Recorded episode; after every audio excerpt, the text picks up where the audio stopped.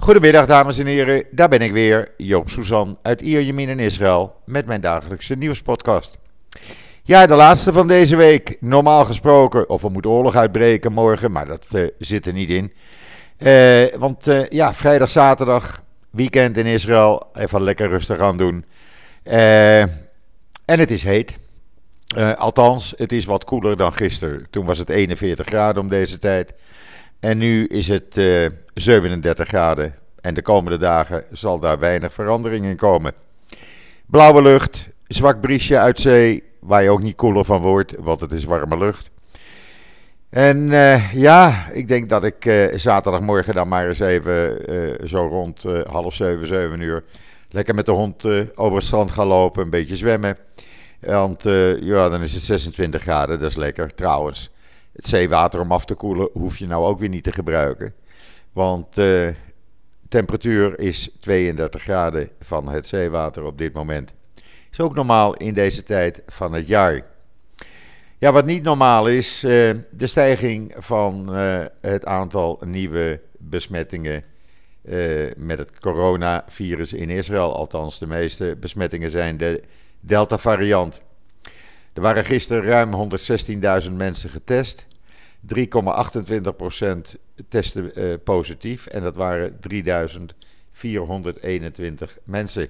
De meeste uh, zijn wel gevaccineerd, daardoor lichte klachten. Moet een paar dagen thuis blijven met wat hoofdpijn, keelpijn of een loopneus. En dan kunnen ze gewoon weer hun activiteiten voortzetten. Er zijn nu uh, 25.463 actieve viruspatiënten in het land. Daarvan zitten er 41 in een quarantainehotel en 460 liggen in de ziekenhuizen, van wie er 241 uh, bijna de helft, of iets meer dan de helft, ernstig ziek uh, is. Terwijl er 61 kritiek zijn. Eh, 51 van hen aangesloten aan beademingsapparatuur. Er zijn opnieuw mensen overleden, waardoor het aantal doden nu op 6.503 staat. Uh, het opvallende is dat er 5000, 5 miljoen, sorry, 5 miljoen 797 586 mensen uh, een eerste vaccinatie hebben ontvangen. Uh, terwijl al 5 miljoen 387.452 mensen twee keer zijn gevaccineerd. En inmiddels is het aantal mensen die een derde vaccinatie hebben gehad in een paar dagen, dat is zondag begonnen. Uh, al uh, ligt dat al rond de 300.000. Dat gaat snel dus.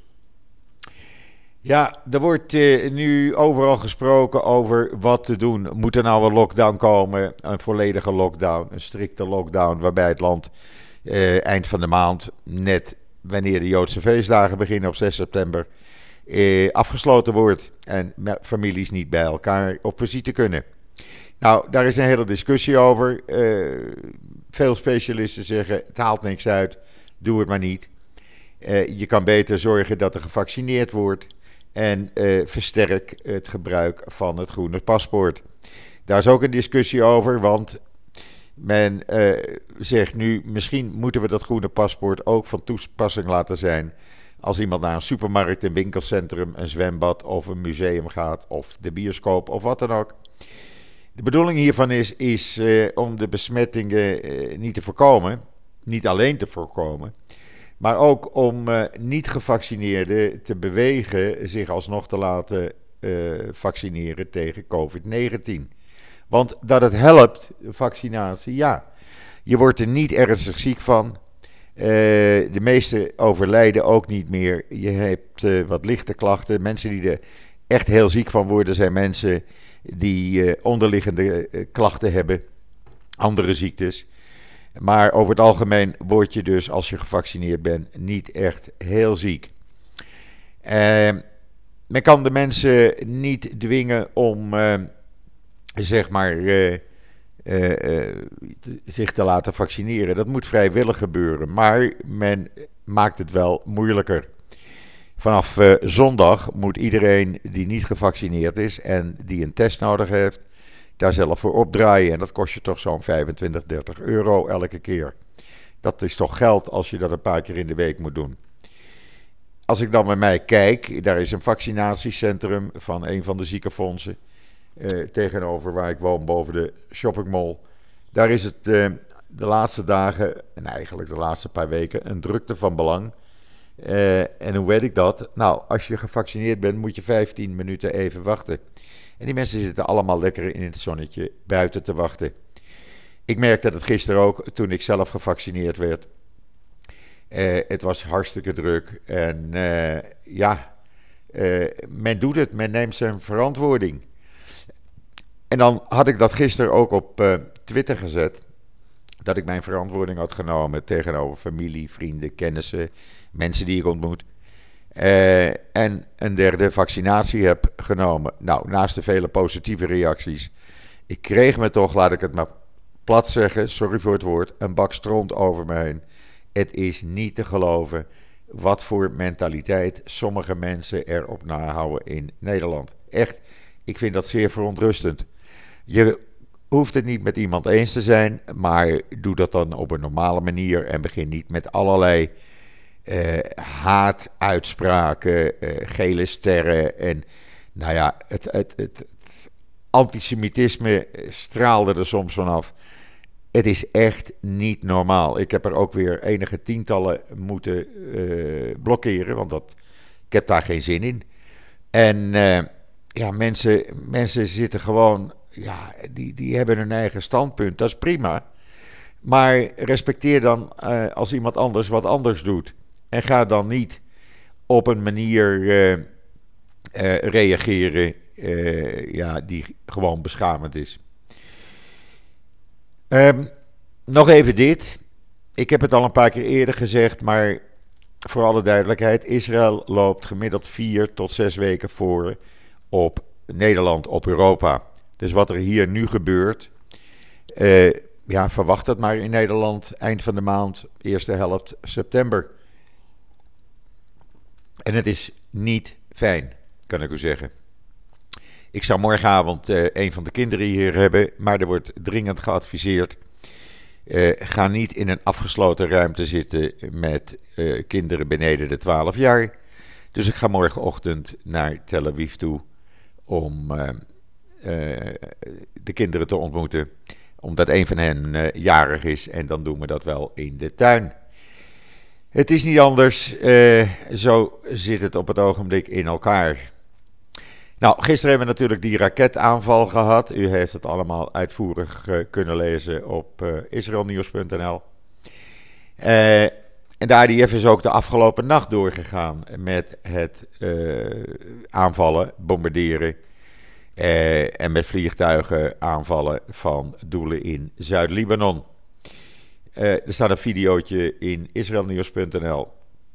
Men houdt voorlopig Palestijnse fracties daarvoor aansprakelijk. Maar, zegt men, het zou kunnen zijn dat dat gedaan wordt of werd met medeweten van Hezbollah. Wat dan weer betekent dat dat een opdracht van Iran is. Uh, ja, uh, het is een spannende situatie. Tot nu toe, uh, na de laatste aanvallen van morgen vroeg van de IDF, is het rustig. Ik hoop dat het zo blijft. Zo niet, dan zal de IDF agressief gaan aanvallen. En wat hebben de ministers Gans, Gans en Lapid gisteren gedaan? Die hebben de ambassadeurs van landen die in de Veiligheidsraad zitten op dit moment op het matje geroepen en uitleg gegeven waar Iran mee bezig is, wie erachter zit. ze hebben ook namen genoemd van bevelhebbers van de Republikeinse Garde. Die achter tientallen terreuraanslagen in de regio zitten. Waarbij gebruik wordt gemaakt van drones en raketten. En ze hebben de naam genoemd van ene meneer Said Arayani. Die is hoofd van het dronecommando van de Republikeinse Garde.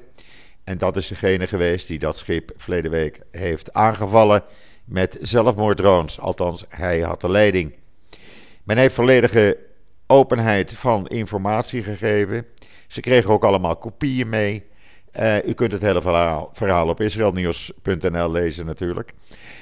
dus deze landen, ja, die kunnen dan niet zeggen van wij weten van niks. Want Israël heeft de ambassadeurs volledig ingelicht. In de hoop dat zij hun regeringen natuurlijk weer inlichten. zoals Lapid heel duidelijk zei, dit is geen conflict tussen legers in Syrië. Dit is een geheime operatie tegen een militaire faciliteit. Het is een aanval wat Iran aan het doen is op handelsroutes van de wereld. Dit is een aanval op de bewegingsvrijheid. En daar heeft hij gelijk aan, want als Iran schepen die op handelsroutes varen met zelfmoorddrones gaat aanvallen, ja, dan, uh, uh, dan gaat het natuurlijk helemaal fout, ook voor de wereldhandel. En dan een Israëlisch bedrijf heeft een apparaat uitgevonden die coronapatiënten in het ziekenhuis kan voorspellen eh, wat de kans op verslechtering van hun situatie is. En dat apparaat is nu goedgekeurd. Ze hebben in, uh, in Europa de CE-markering gekregen. Uh, en kunnen dus nu, dit apparaat kan dus nu in Europa en Engeland gebruikt worden. men verwacht dat dat binnen twee maanden, drie maanden eh, ook het eh, geval zou zijn. Men is aan het spreken met de FDA, de Amerikaanse Food and Drug Administration, om ook van hun goedkeuring te krijgen. Eh, na een test hebben ze binnen 15 minuten de resultaten op een scherm. En dat geeft dus een getal aan tussen de 0 en 100. Hoe hoger het getal, hoe groter de kans op verslechtering. altijd handig, want het werkt sneller dan uh, bloedmonsters nemen en die naar een laboratorium zenden, et cetera, et cetera. Daar ben je ook weer uh, zoet mee. Dit doet het in 15 minuten. Een goede uitvinding, een goede ontwikkeling. En ja, dan kan men op tijd maatregelen nemen. Pratend over tijd. In Ascalon heeft men opgravingen gedaan. En er is eigenlijk een, een mysterie naar boven gekomen van waarom werden 1400 honden in de tijd van het Perzische Rijk in uh, de buurt van wat nu Ascalon is begraven. Uh, veel foto's, uitgebreide uh, verhaal hierover op israelnieuws.nl. Ja, dat is Israël. Het blijft elke dag weer de geheime prijsgeven van hoe het vroeger was hier. En dan, uh, ja, zoals elke week uh, op donderdag natuurlijk, het kosher recept. Nou, uh, de vaste luisteraars die weten dat inmiddels wel. Mijn overleden partner, is alweer 6 september, 8 september, drie jaar geleden. Die kwam oorspronkelijk uit Marokko. Dus ja, Marokkaanse kip, ik hou ervan. Ik heb het leren eten en ik kan er niet genoeg van krijgen. Het is zo lekker. Al die kruiden erop en, en nou ja, noem maar op. In ieder geval, ik heb het recept van de Marokkaanse kip op uh, israelnieuws.nl staan. Het is niet zo moeilijk te maken. Je hebt er wel een heleboel uh, uh, kruiden en, en, en allerlei andere dingetjes bij nodig. Maar dan is het toch lekker. Gewoon proberen, zou ik zeggen. En dan zult u beamen, zoals ik dat zeg dat het wel heel lekker is. En uh, dan gaat u dat ook vaker eten. Ik moet, moet u eerlijk zeggen, ik heb het kunstje proberen af te kijken. En ik probeer altijd kip en toch een Marokkaans tintje te geven hier. Ja, en dan hadden we uh, Esther Voet, mijn uh, tweewekelijkse keukentafeldame. die heeft een uitstekend commentaar gegeven op het feit dat bij de inhuldiging vandaag van de nieuwe president van Iran, de butcher of Teheran, de slager van Teheran, die duizenden mensen heeft vermoord, die is nu dus president en de EU vond het nodig om daar een afgevaardigde naartoe te sturen. Natuurlijk.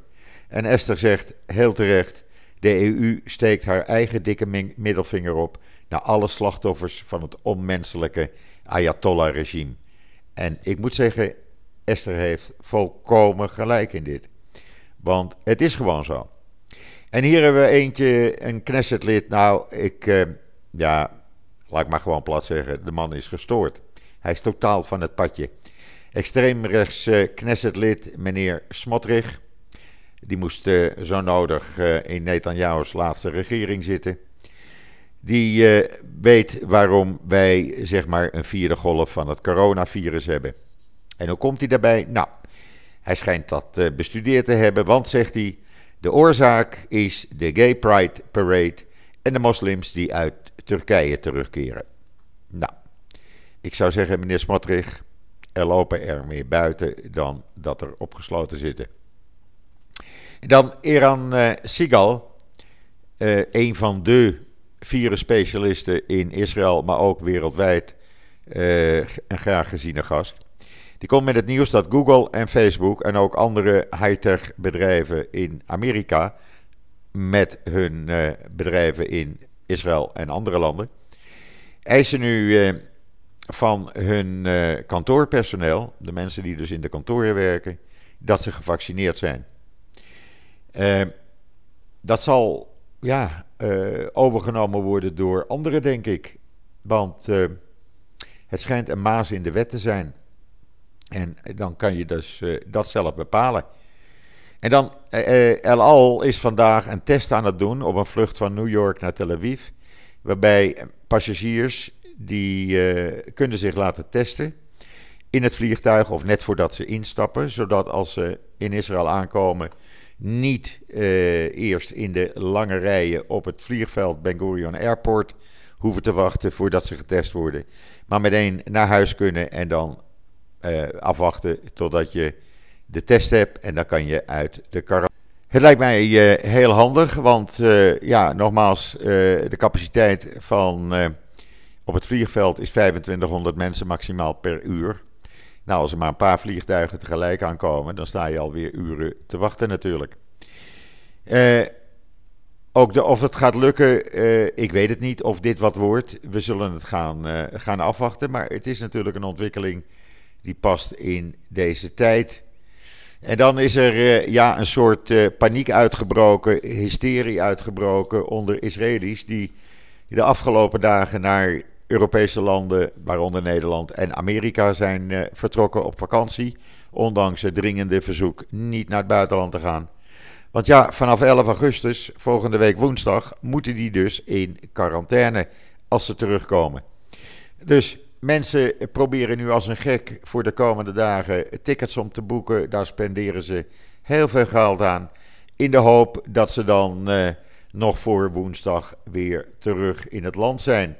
Uh, of dat in alle gevallen gaat lukken, ik, uh, ik heb zo mijn twijfels. Want ja, luister, het is natuurlijk ook zo dat vliegtuigen hebben maar een beperkte capaciteit. Laten we daar eerlijk over zijn.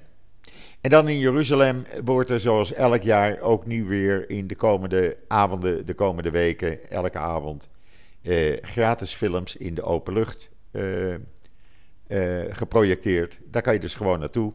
Dat is vaak op pleinen met een soort amfieachtige uh, zitting. En daar zijn er veel van in Jeruzalem. En daar kunnen mensen gratis naar films kijken. Thrillers, kinderfilms, familiefilms, noem maar op. Het is een leuk initiatief wat altijd ja, leeft onder de bevolking van Jeruzalem. En dan 40% van de Israëlische bevolking is eh, voor een twee-staten-oplossing. Nou, dat is toch wel uh, vrij hoog, moet ik zeggen. En ja, hoe dat zal worden opgepikt door deze huidige regering, dat weet ik even niet. Want dat heeft de peiling niet laten zien. Goed, dat brengt mij tot het einde van deze podcast. Eh Normaal nieuwspodcast 15 minuten. Ik zie dat ik alweer op 20 minuten zit. Maar ja, ik heb u zoveel te vertellen. Hou israelnieuws.nl in de gaten of mijn Facebook en Twitter account. We hebben ook uh, israelnieuws.nl op Facebook, een aparte account. Uh, daar uh, worden alle artikelen opgepost die belangrijk zijn. Dus u hoeft niets te missen van wat er in dit prachtige, warme hete land gebeurt. Rest mij u vast een uh, heel mooi weekend toe te wensen. Shabbat shalom alvast vanuit Israël. Wat mij betreft, ijs en wederdienende. Ik ben de zondag weer en zeg zoals altijd: tot ziens, tot zondag.